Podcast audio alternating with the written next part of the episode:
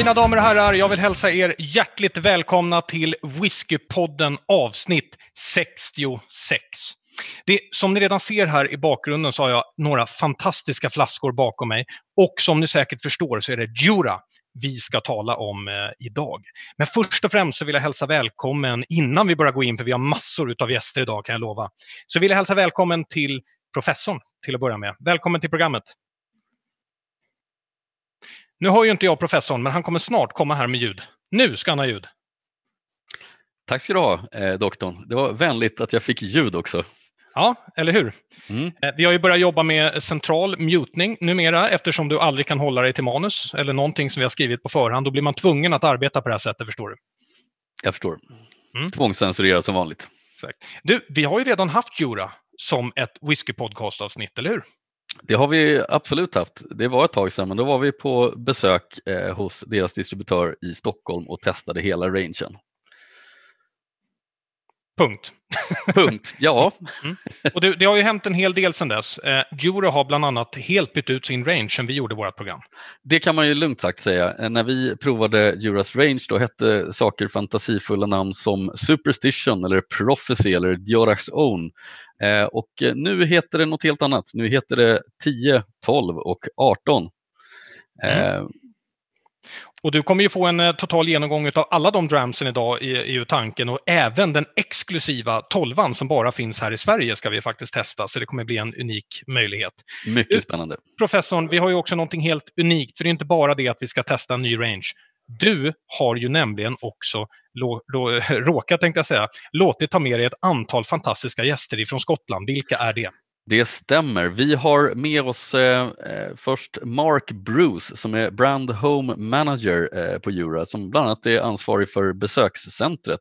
Vi har James Steiner, Nordenansvarig för Jura. Vi har Daryl Haldane, Global Brand Ambassador på Jura och Graham Logan, Distillery Manager. Eh, vi har självklart också med oss vår residenta gäst Henrik Afflodal, whiskynestor och chefredaktör för Spirits News. Ja, låt oss släppa in chefredaktören här, Henrik eh, Afflodal. Du, du har följt Djura redan sedan eh, början av 90-talet, du. så du kan ganska mycket om deras historik. Ja, man får säga jag har varit med sedan barnsben nästan och eh, det här är en alldeles underbar ö. Det är i och för sig bara runt ja, 200 invånare, men vad ska vi säga 5000 eh, hjortar. Det finns en väg på den här ön och den går ju till byn. Fortsätter lite grann norrut men det är ingen vits att åka för där finns det ingenting annat än hjortar. Då. Eh, men det finns ett hotell mittemot destilleriet. Det är väl that's it liksom. Och eh, det växer palmer där. Och den kanske vi kan få komma in när vi träffar, eh, får prata med Graham här. Varför är det så konstigt klimat på Jura? Det är subtropiskt som vi kallar det för. Okej, okay, är, är det en fråga du skickar med alltså till? Ja, jag tycker det. Vi, vi, kan ta det sen. Va? Mm. Så vad säger ni mina herrar, ska vi direkt göra så att vi hoppar till och börjar tala in English instead? And let the guys into the show. What do you say? Yes, please. So let's start with an introduction on everyone that we have from Jura today, because this is starstruck, ladies and gentlemen. So let's begin with uh, we have James Steiner. Please introduce yourself. Hi, everybody. Evening. Good to be here. Thanks for joining us. Uh, I'm James Steiner. I've been uh, uh, covering the Nordics for for Jura for the last ten years. So um, I, I, know I know Sweden pretty well by now. At least I should do. So um, it's it's great to be here, and it's great to be amongst uh, so many uh, old friends. Superb, superb. Then we also have Mark Bruce. Welcome. Mark from Jura, uh, brand home manager here on the island, working very closely with Graham, his team, and my team um, to offer everyone that comes to visit an incredible experience. Superb. And Daryl, we've been speaking about your last name, I think, a few times yesterday. I will try to do it now. Daryl Haldane. Is that correct? That's right. Yeah, yeah, yeah. It should be easy for you to say. Um, how you doing? How you uh, doing? Thanks for having us on. Yeah, I'm good, man. I'm good. Uh, tuning in from Edinburgh. So we've got Mark and Graham over on Jura, James uh, somewhere in the world, and uh, here I am in Edinburgh, holding the fort on the mainland of Scotland. That sounds absolutely superb. And also joining us, uh, a late guest actually, because we only got the confirmation a few hours ago. It's the big distillery manager. It's Graham Logan. Welcome to the show. Absolute pleasure. Thank you for having me. I'm Graham Logan. I'm Jura Distillery Manager, and I'm in my 29th year on site. Superb. Well done. Very well done. what else can you say? So let's begin with the story of uh, Jura and Sweden. So, uh, James, you're working as the brand ambassador here for the Nordics. You're responsible for the Nordics and Russia, I know.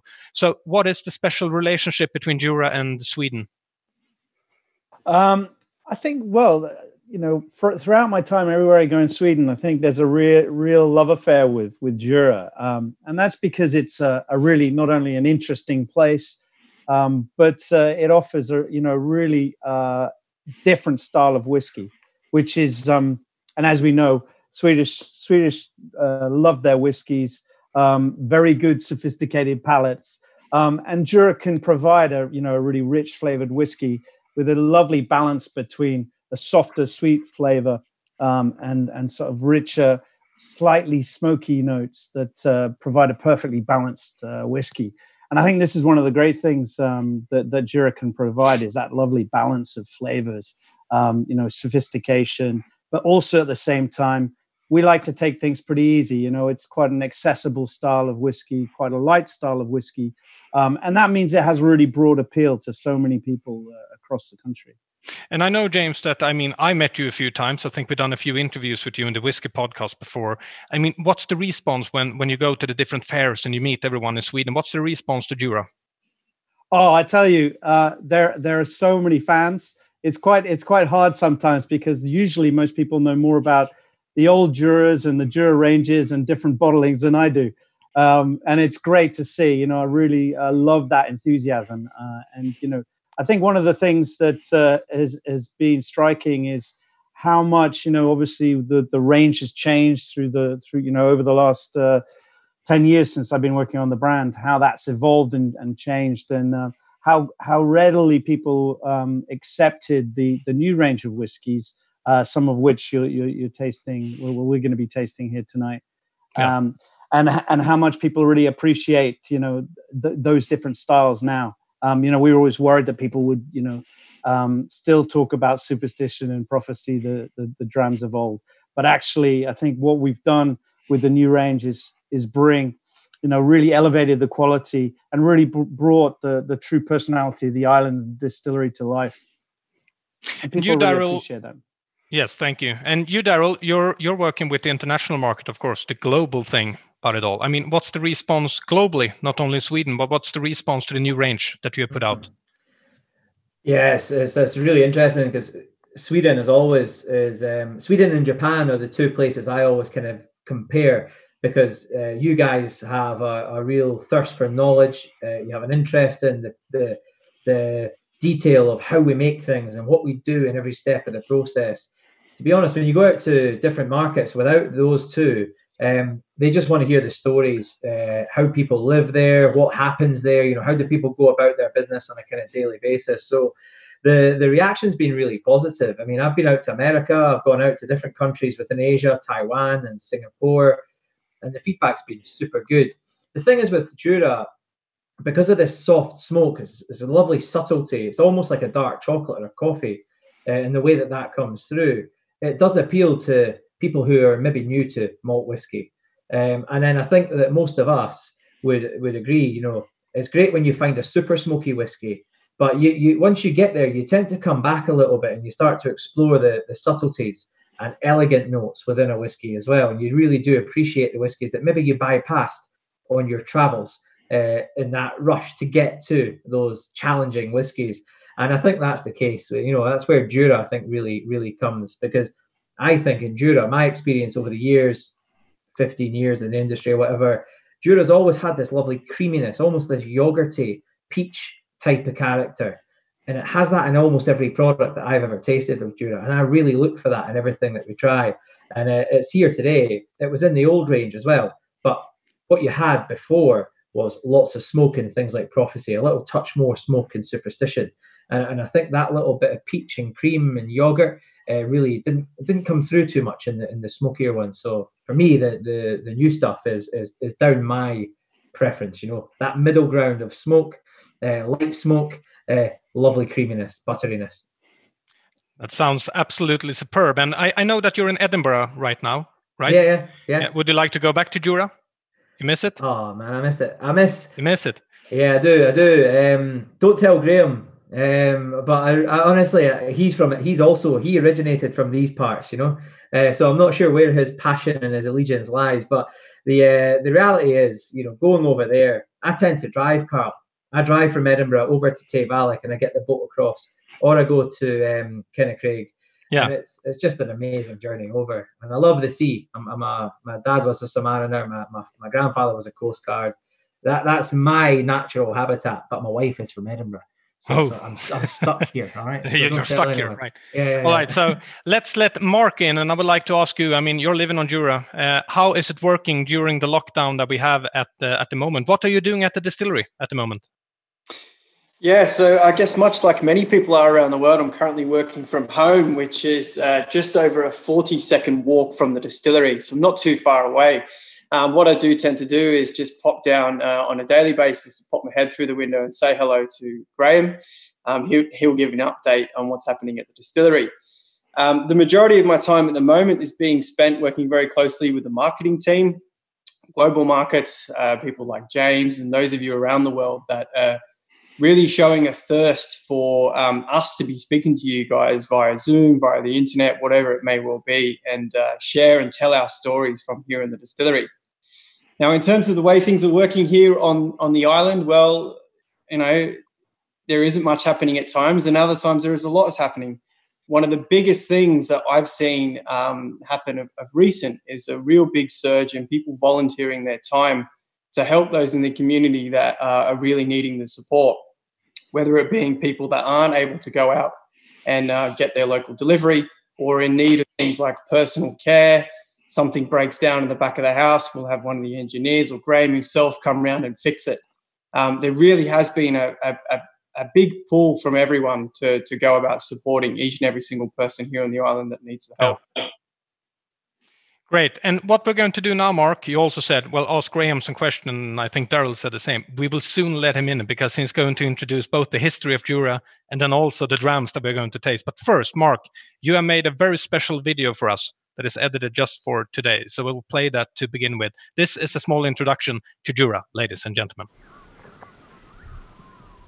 Hello, Sweden, and welcome to Craighouse, where most of our tiny communities, 212 souls, reside here on Jura.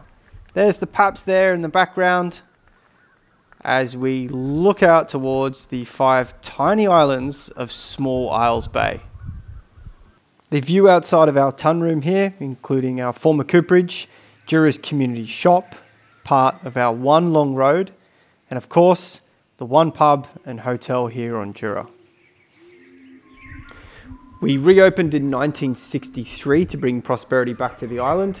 Jura Distillery to this day remains an integral part of our tiny community.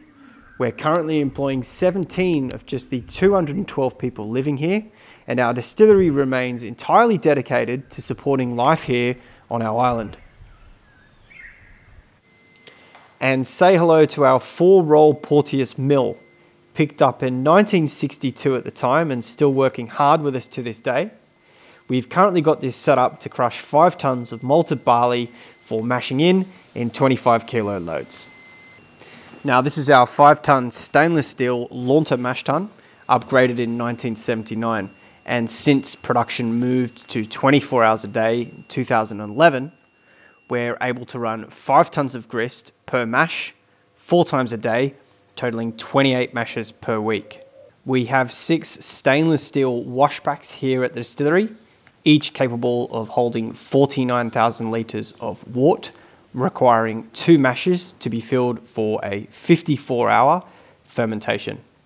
Considered to be some of the tallest pot stills in Scotland, our two wash and two low wine stills allow us here at Jura Distillery to produce a wonderfully light and floral new make spirit. One washback, or 49,000 litres of wash, is split between our two wash stills for the first distillation. The remaining 16,000 litres of low wines will now commence its second distillation for 10 hours, where we will cut our foreshots, middle cut, and feints here at Jura Distillery. Yes, so how about that? What a video!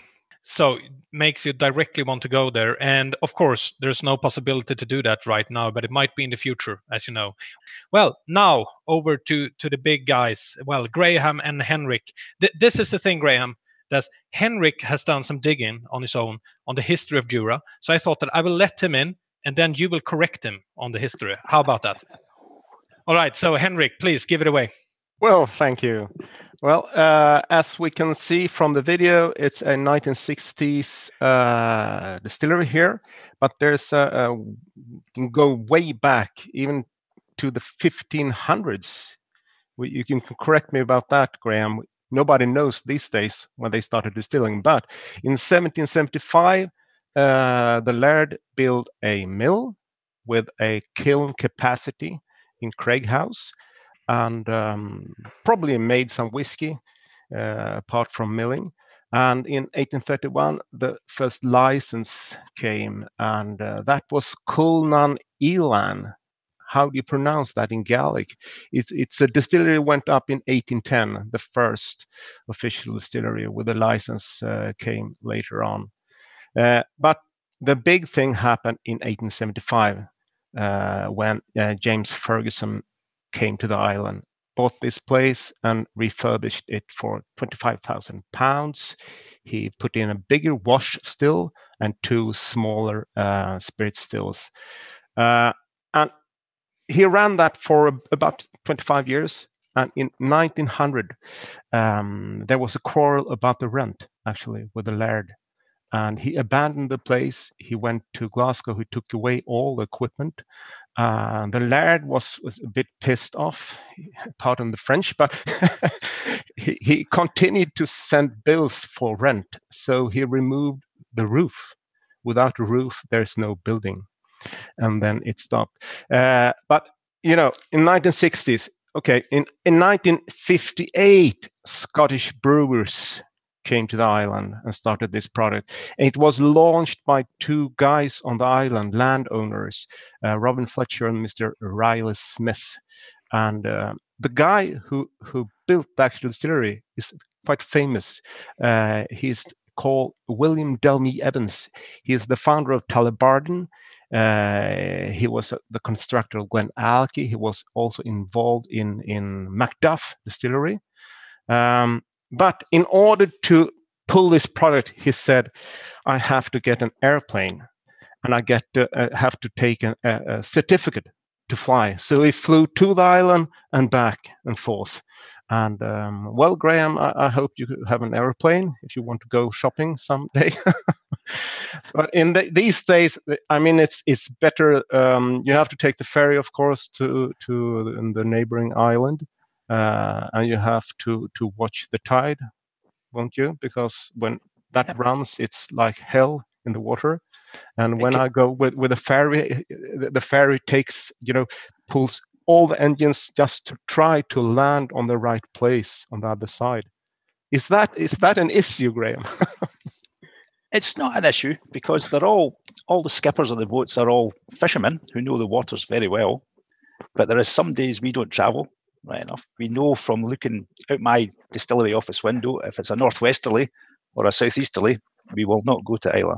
No. So because the the, the winds then act against the tide and it'll throw up some really big waves. Exactly what you've got behind you, actually. That's yeah, right. that's right. This is uh, the North Sea, so it's yeah. it's quite close to you, I, I hope. Uh, but anyway, in 1994, Whyte and Mackay bought the company Invergordon, and then it came off. And you've been on this distillery how long time? I I left the Royal Navy on a Friday and I joined on a Sunday night shift on the distillery, and that was in November 1991. So 29 years in November this year. Yeah, that's that's beautiful. So so what's happening in those years from let's say 91? What what's the progress of the distillery? What's happened? Well, I started as a mashman, so 1991, we had reasonable amount of production, only enough for a five day week. So we worked Monday to Friday. And we worked like that until 2007. Then we went to seven days a week because there was a big thing happening in 1999. Now, Jura was a very popular whiskey for blends because of the really tall stills. It was really lovely, light and floral spirit. All the blending companies wanted it. So, but we didn't we didn't actually look after the spirit that well. We just concentrated on the blend market. But in 1999, we started to fill into first fill ex bourbon, and Jura started getting recognised as a single malt. And from 99 to 2007, we were using that much spirit. We had to go to a seven day week. Then in 2014, we stopped selling it to blending companies. So wow. it's all for Jura malt now, 2.4 million litres a year. That's beautiful, isn't it? So uh, uh when you came out in, in, the 1990s, you started to um, because I went there in in early uh, 2000 and uh, you were refilling you know the changing moving liquid to newer casks weren't you? Yeah Refresh. we call we call that re-racking. Yeah. And it's it follows on from what i'm saying. We didn't actually buy the best wood before 99 we started to buy some really good wood so we had some spare so we started to take out of all the old hogsheads which these hogsheads could be 50 year old so we started to put it into first fill ex bourbon.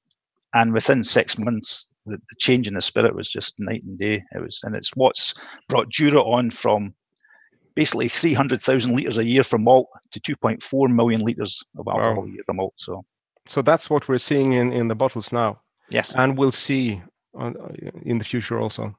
Absolutely yes yeah, well done and how about that i mean it might be time that we actually go to the tasting what do you say guys getting a bit thirsty yes please Yes, please. Okay, good, good. At first, I just want to to uh, show to you a few comments that has actually arrived on on Facebook. Well, to begin with, uh, Stefan is telling us that he's sitting with one of the favorites that is no longer available, the 16-year-old. We also have Netta telling us that uh, she has seven different kinds of Jura at home. It's her favorite. Uh, we also have Joran that tells us that Jura is his favorite, and we get a lot of likes. So it's it's looking good, guys. Thanks. So, with that said, it's time for the tasting. Graham, uh, we're going to try the the 10 year old, the 12 year old, and the 18 year old. Would you like to give us a brief introduction on the new series? Absolutely. Uh, the 10 year old, we eight years in first fill ex bourbon, and it has two years in a finish cask, which is sherry. Same as the 12 year old, it's 10 years in first fill ex bourbon, two years in a finish sherry. 18 year old, as you know, 16 years in first fill ex bourbon, then two years in a finish in red wine cask. So 10, 10 year old, it's a bit like a, lots of flavors in there. It's very subtle in the smoke. There's lots of flavors like, you know, chocolate, orange coming through, lots of your American oak flavors coming through as well, like your coconuts. And it's just a really good dram. It really is. And I hope I'm not doing it justice uh, I dare say Mark, Daryl, and will give it a far better speech than I have. The 12 year old is just that little bit richer, just a little bit more. I find a little bit more smoke comes through in the 12 year old, and I'm not sure why that is. And uh, I know the Swedish palate, they do like a little bit smoke, so 12 year old will go down really well there. 18 year old, it's just a it's just a classic for me. I have to admit, I love the 18 year old.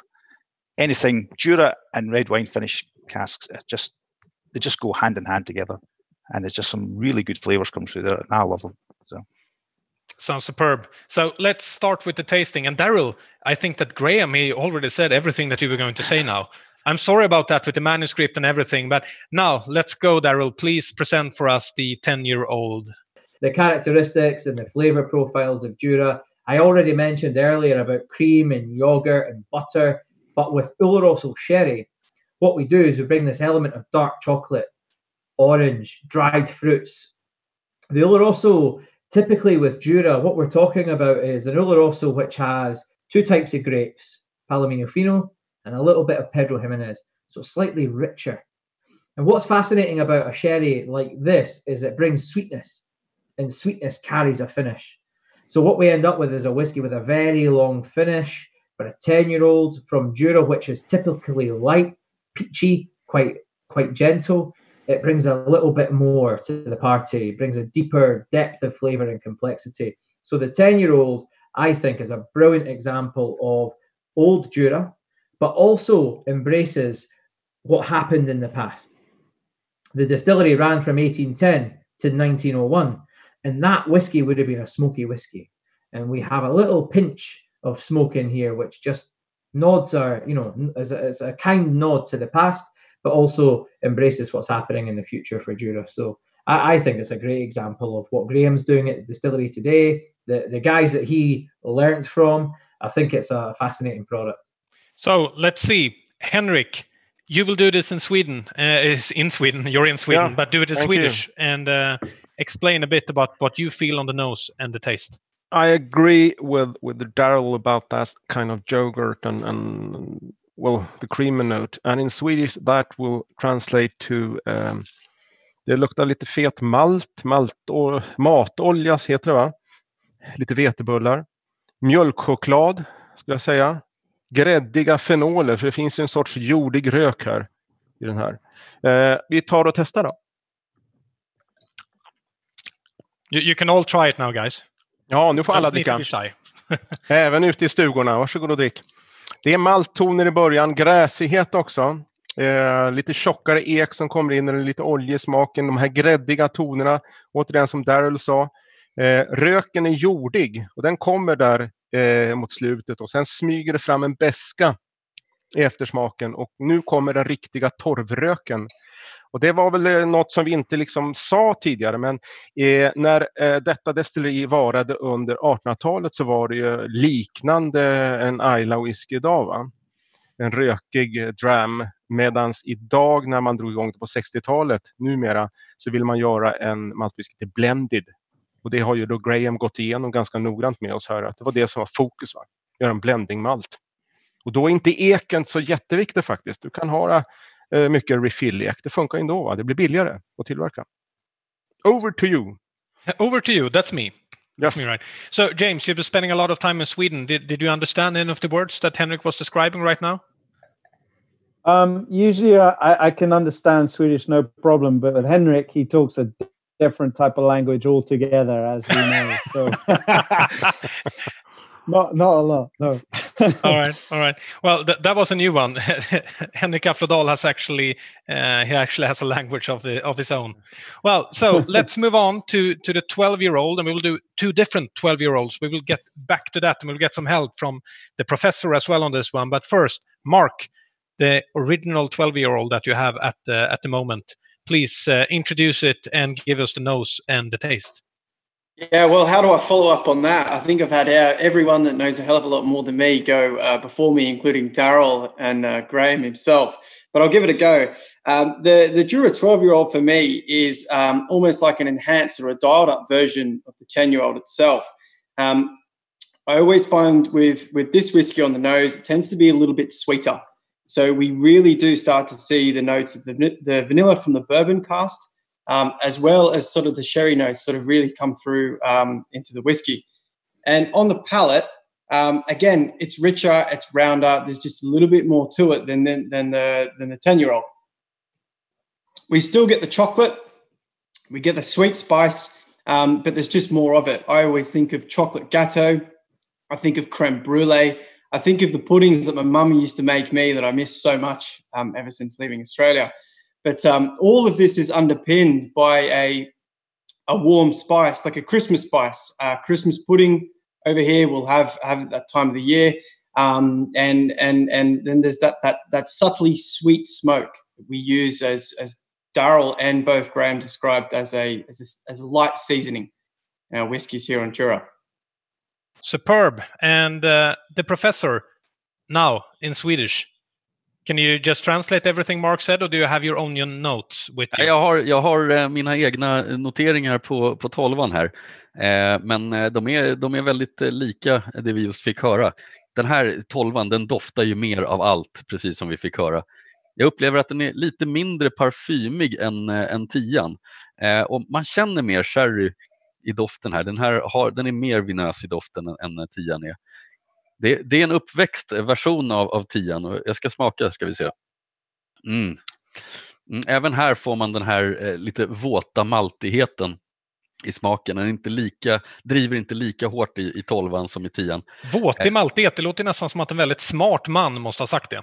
Ja, det kan ju ha varit du. Ja, Eh, det är bra när man får knycka uttryck från doktorn eh, och inte bara tvärtom. Det, det, är en viss beska i den här citrusen som jag inte upplever riktigt, nästan lite zest. Va? Som, eh, det är mer färsk citrus i tian. Och det är fruktighet i den här. Jag känner faktiskt, jag plockar ut till och med kinesiska paradisäpplen eh, som en liten udda eh, ton i den här. Eh, signaturtonerna är väldigt lika annars. Det här är en kompott av, av eh, lite syrliga karameller med försiktig men, men lite mer rökighet än tian och toppat med lite vanilj och lätt brända kolabönor. Perfekt. Vilken avrundning. Mm. Ja. And then also over to, if we're speaking about it, you will be the one to present this one because this one is quite unique for the Swedish market. It's exclusive for the Swedish market. The difference between this one and the other one is that this one is 43%, and this is the big hit in Sweden now, the professor. So please give us what's the difference between this one and the original 12 year old? Mm. Här, eh, det är en helt annan karaktär. Eh, här är en karaktär där torv och rökighet spelar en mycket större roll i doften. Eh, och det är betydligt mer omf i både doft och smak än, än i eh, eh, den vanliga tolvan. Ungefär som man tar en vanlig tolva och så kör man den genom ett smogmoln av torv. De här tre ynka procenten de gör, de gör stor skillnad. Eh, det här är en whisky som jag förknippar att den är för sjömän. Jag upplever den som mer maritim än någon av de andra. Eh, och Det är större skillnad mellan den här och den vanliga tolvan än det är mellan tian och tolvan. Mer attityd och en mörkare ton. Mm. Något du vill fylla i där, eh, Aflodal? Eh, ja. Alltså 12-åringen är en fantastisk whisky. Den är då lagrad på Aged Oloroso Sherry och det får vi se vad det är. Det kan vi ta ett annat avsnitt. Men eh, det är en fantastisk fruktdoft eh, på båda de här. Och den kommer ut mycket större än tian. Och eh, ja, det är klart att alla säger att den är mer rökig och det stämmer helt, helt korrekt. Det. det är lite cigarraska i eftersmaken till och med. Eh, och det är mycket tropiska frukter. Små citrusen finns i munnen också. Eh, ja, det är, det är min favorit, får jag väl ändå säga, i serien. Men vi är inte riktigt klara med den, Emma. Oh, we, we need to translate that. It's his favorite, you said. Yeah. It's my so favorite. You're done. We, know, we don't need to serve you the 18-year-old that we're going for now? Well, we can make a small exception for me, yes. Okay, good. Please. Well, here we go. Uh, the price for tonight, the 18 year old, well, it's a bit darker in color as well, as you can see. And it is James who's going to present this one for us. So please, James. Uh, well, uh, I have to say, um, I, I, I decided not to use a tasting glass this evening, purely because I got to the end of my bottle of 18 and figured, well, I need a proper glass to put that in. So I'm, I'm using this lovely thing here. Um, this is uh, yeah, this is by far my favorite in the in the new range of, of Jura whiskies, um, and that's partly because uh, it really reminds me of some of the the old expressions we did in the past using other red wine uh, finishes. You know, particularly Pinot Noir, as we know, it's worked very well with Jura as a style, uh, as well as uh, things like Barolo um, and other red wine styles. So um, this is a, a truly fantastic dram, finished um, two year finish in uh, in a Grand Cru Classe Bordeaux wine. Really, really uh, lovely dram. Um, and I have to say, uh, of all the products in Sweden, uh, and if you if you go online to Systembolaget now, this is an absolute steal. We're looking at this as being uh, probably the best value whiskey in the market right now at six ninety nine krona which is an unbelievable price. In fact, I shouldn't be talking about it because I don't want you to drink it all, everybody. Okay, we need we need to hold on to some stocks. But anyway, let's let's have a nose. Ah, and and the reason I love this is because when I put my nose in the glass with this one, it's very different from the twelve year old that that has that nutty, uh, you know, hint of smoke in the background. Not really sensing the smoke, but what I'm getting here is um, a, a kind of a, a, sweet shop. It's for me it's like when i was a young, a young boy i'd go into the sweet shop into the candy store and get that lovely sweet fruit flavors like um, wine gums um, sherbets things like that old fashioned sweets. Really want to get into it making me salivate whenever i put my, my nose in the glass. Um, and the and the and the spice note there a little bit there sort of cinnamon sweets cinnamon spice so let's have a taste James is disappearing um, a bit, um, isn't he? I, I think it's the 18 year old that is doing it to him. uh, can you hear me now? Is that okay? now, we can hear you. Yes, please continue. Okay, great. No, I was just saying really lovely, rich chocolate notes. We're getting um, maybe maybe uh, you know some of the red fruit characteristic coming through there, a bit of cassis, maybe even a little bit of raspberry note.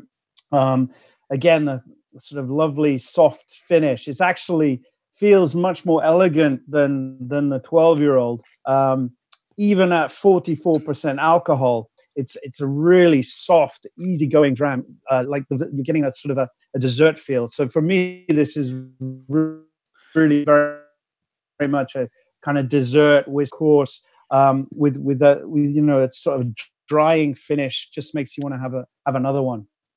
All right. and I can also see now that you're talking, James. I, I have seen some pictures here of the professor. He's like drowning in his glass. I've seen it a few times. So, so I will let those guys on because on this dram, I want both the professor and Mr. Aflodal to to comment on this one. So let's begin with the guy who is drowning and help him. So the professor. Ja, alltså den här är ju, är ju precis som vi just fick höra, den här är mycket, mycket mer elegant än, än 12 mycket mer komplex. Eh, den, är, den är som, som en chokladchock jämfört med de andra när man, när man doftar på den. Eh, och eh, Det här är ju naturligtvis ingenting man förväntar sig av en whisky i den prisklassen, men det är en 18-årig whisky så att eh, den gör skäl för sin ålder. Och tittar vi mm, i smaken, ja det här, det här är jättegott. Eh, det är verkligen, really good. Eh, det är verkligen hela, hela eh, chokladeriet med, med honung och eh, mycket trevliga toner. Det finns fortfarande en, en viss torv eh, och rökighet i den här men den, den, spelar eh, egentligen ingen större roll. Den, den, eh, den finns där som en balans. Tjusig, elegant whisky och betydligt längre i smaken. Okay. And Mr. Aflodal, are you agreeing on this one? Uh, are you also drowning in your glass? Ja, nej, ja visst, jag har suttit och, och druckit lite grann här när eh, herr professorn och de andra har pratat. Men alltså det här är smaken, är, den är ganska häftig för du har ju eh, frukterna, chokladkakan och sen pang mot slutet så smäller det till med torvrök och tobak. Eh, och eftersmaken är Aladdin gräddnougat det första som sker då. Men jag tar mig friheten nu och vattnar den här. Jag har ingen sked va, så jag får göra som jag kan. Så här va. Och det här är ju 44 procent som James sa. Det här är, det är lyftet för whiskyn. I, doften blir renare, friskare. Frukten kommer ut på allvar nu. Det är röda så söta karameller. Det är lite äppelchips. Den är fragrant, alltså lite parfymtoner. Det finns i kanten på glaset. Ser man kanten här? Härligt. Ja, där, där är det lite knäcktoner. Lite farin och knäck då. Och smaken, håll i er nu för det här blir, det här blir en resa. Hör ni smackandet? Va? Mm, en lång, det är en mjuk start på det här. Honung, malttoner såklart. Det är jordigt, det är torvrökstoner och det är det viktigaste i en så här gammal whisky. Det är eukalyptusen. Alltså det finns en beska, en frisk beska och den är då skriven ifrån ekfaten. Det blir så här. Men goda gärningar ska belönas så att man landar i den tropiska frukten ändå efter en liten stund. Och mm, det är eh, ett, ett snyggt eh, artisteri av eh, Isle of Jura, 12 eller 18-åring och, och det kan vi väl tacka eh, omtappningen av de här eh, faten. Visst var det så? Som Graham berättade, ja. Att de har hunnit tappa om det här på en ny fräsch ek och det, det finns med här. Tack så mycket. Lovely. And uh, I cannot translate what he just said. And Google Translate won't be able to translate it. So let's not even try. Let's not even try. Henrik, there is a question for you. This one has been asked two times now in the feed. It's from Alan. He would like you to compare Jura with Bells. in what respect? well, just a comparison. Well, Bells, uh, you know, Bells has a, a, a, program of its own. It's a, a, distillers company blend, uh, and I'm really not sure if Jura is part of that blend, perhaps it is actually. Probably not. Well, we we we we um, Bell Bell's from Perth, you know. Yeah. Uh, always blenders would have gone all around Scotland to pick up whiskies, and if they couldn't get that whiskey, they would go somewhere else and find another one. But um, Bell's is a, a youthful blend these days, heavy on grain, Mm. The, the, the, difference is huge. You've got that yeah. creaminess, the butteriness that we've talked about with Jura. That Bell's is good, but it, it, it, doesn't have those characters. It has an influence of sherry because Bell's, the big contributor to Bell's always has been Blair Athol mm. Distillery, which is a, a, a, kind of lower end, not not lower end in terms of um, premium, uh, but lower Highlands, uh, big sherry influence. Um, and it's very different to Jura. Very yeah, different. but I mean the, the short answer to that question is that if you if you're making a blend, you have uh, seven parts of, of grain whiskey and uh, 25 30 percent of, of the malt content. So it's difficult to compare but uh, it might obviously had uh, in the 1980s when it was a very big brand uh, it might have had some Jura in, in it i think. So but we don't know that. Does graham know I can't give a definitive answer to that. Uh, all the major blending companies wanted Jura, so there is a real high chance it was in the original Bells in the 80s and 90s. Hmm. Right, and, and we're going back to you, Graham, actually, because we are now going to to start on, you know, closing the, this show for for tonight. It's already been 45 minutes, so let's finish it up with speaking a bit about the identity of Jura because Jura has a very special taste. You can feel it from the 10 year old to the 18 year old. You always know that it is Jura. How do you create that identity, Graham? Oh, my goodness. Yes. Now, there's lots of things that define Jura. The, the first thing is we're a single distillery on a single island. And we've got our own water supply, which is really soft water. We've got salt spray flying over the distillery all the time. So there's lots of influences. The Gulf Stream passes to Jura's west coast. It keeps the temperatures very, very mild, even in the winter, so that your warehouse temperatures don't change. So you've got a very constant maturation all winter. Your next thing is the people. Now, I'm not saying the community wouldn't be here without the distillery, but the distillery certainly wouldn't be here without the community. And they helped build it. They now exclusively run it. And distillery and community are, are not interchangeable. They are one and the same at the moment. So your people are hugely important. Next, we've got our distillation. Really, really tall stills, 25 feet, 4 inches tall. A really lovely light floral. As Daryl mentioned, it's lots of cereal notes in your, your new make spirit. But because there's so much copper in the neck, lots of reflux, so you get lots of redistillation, so you get redistillation into new flavors. All helps with the finished product. Next, you've got your maturation, exclusively fill into first fill ex bourbon. I've mentioned maturation in the warehouses. Really constant temperature all year, so you've got a you maximize your maturation spells. And I can't actually think anything else really. That's no, it's uh Jura is a special place. It's a special place to make whiskey, and I hope everyone enjoys it. Yes. And I have a question for you, Graham. Here uh, we have a few questions from Facebook. Uh, we'll start with this one. Um, Katarina would like to know: uh, You seem to work more with peat now than you did in in, uh, in the older days, or in the, in the old series. Is that true? And why are you doing that? No, actually, only nine percent of our production is heavy peated spirit. So that's basically four weeks every year, and we're actually, believe it or not, before we had to shut down, we had, and because of the COVID 19, we were did our first week of heavy peated production. So we've still got another three weeks to go once we restart. All right. We also get a question uh, you and Henrik were speaking about earlier that a few years ago you, you did some reimbursement on the on the costs that you have. Why, why do you do that? Why, why why was it needed? The main reason it was needed is because when we were part of a company called Invergordon, Invergordon had hogshead casks. Now these casks could be 50 year old, some of them were good.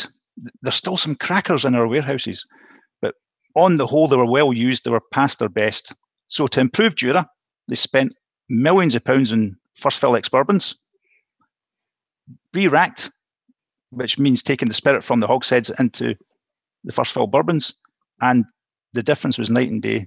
It was give it six months, and you could see the future of Jura was going to be good. How many years did that process take? A lot of casks. We finished the last casks. We we hit it really hard from sort of 99 to about sort of 2010. And then we started slowing down as we started running out of hogsheads to re-rack. And we did the last ones in 2016. Hmm. Impressive so, job. Really, and also I think this one is to, to Graham as well. You know, the big man is, is here with us, so we, will we'll get him to him. Um, uh, your new series is very new. Uh, you have went all in with uh, with age statement uh, again, something that you didn't have for quite a few years. Why have you swapped to the series instead? It's basically because that's what consumers want. Uh, obviously, everyone in the world is getting more knowledgeable about their spirits. Uh, lots of things like this online, so everyone's getting more, and they're getting more choosy. And obviously, if they see a non-age statement, they're going to bypass it for something that's got an age on it. Great. And guys, uh, we are going to round up this one now. Uh, I hope that you had a great night. We have one final question, and this is for, for all of you. So the question is Are you making this a regular event? It would likely be very appreciated among your fans. What do you say, guys? I would say thumbs up. Thumbs up. Definitely, yeah, definitely. yes. I don't have any thumbs, but definitely, yeah. Oh yeah, as many thumbs as you have. well, uh, to answer your questions, we hope that you will that we will do a lot of more of these uh, events with Europe with these fantastic guys that we have had as guests today. And I must say, this has been a very unique moment for uh, the Whiskey Podcast here in Sweden. We would like to say good night and thank you for watching the Whiskey Podcast live with Jura. Cheers.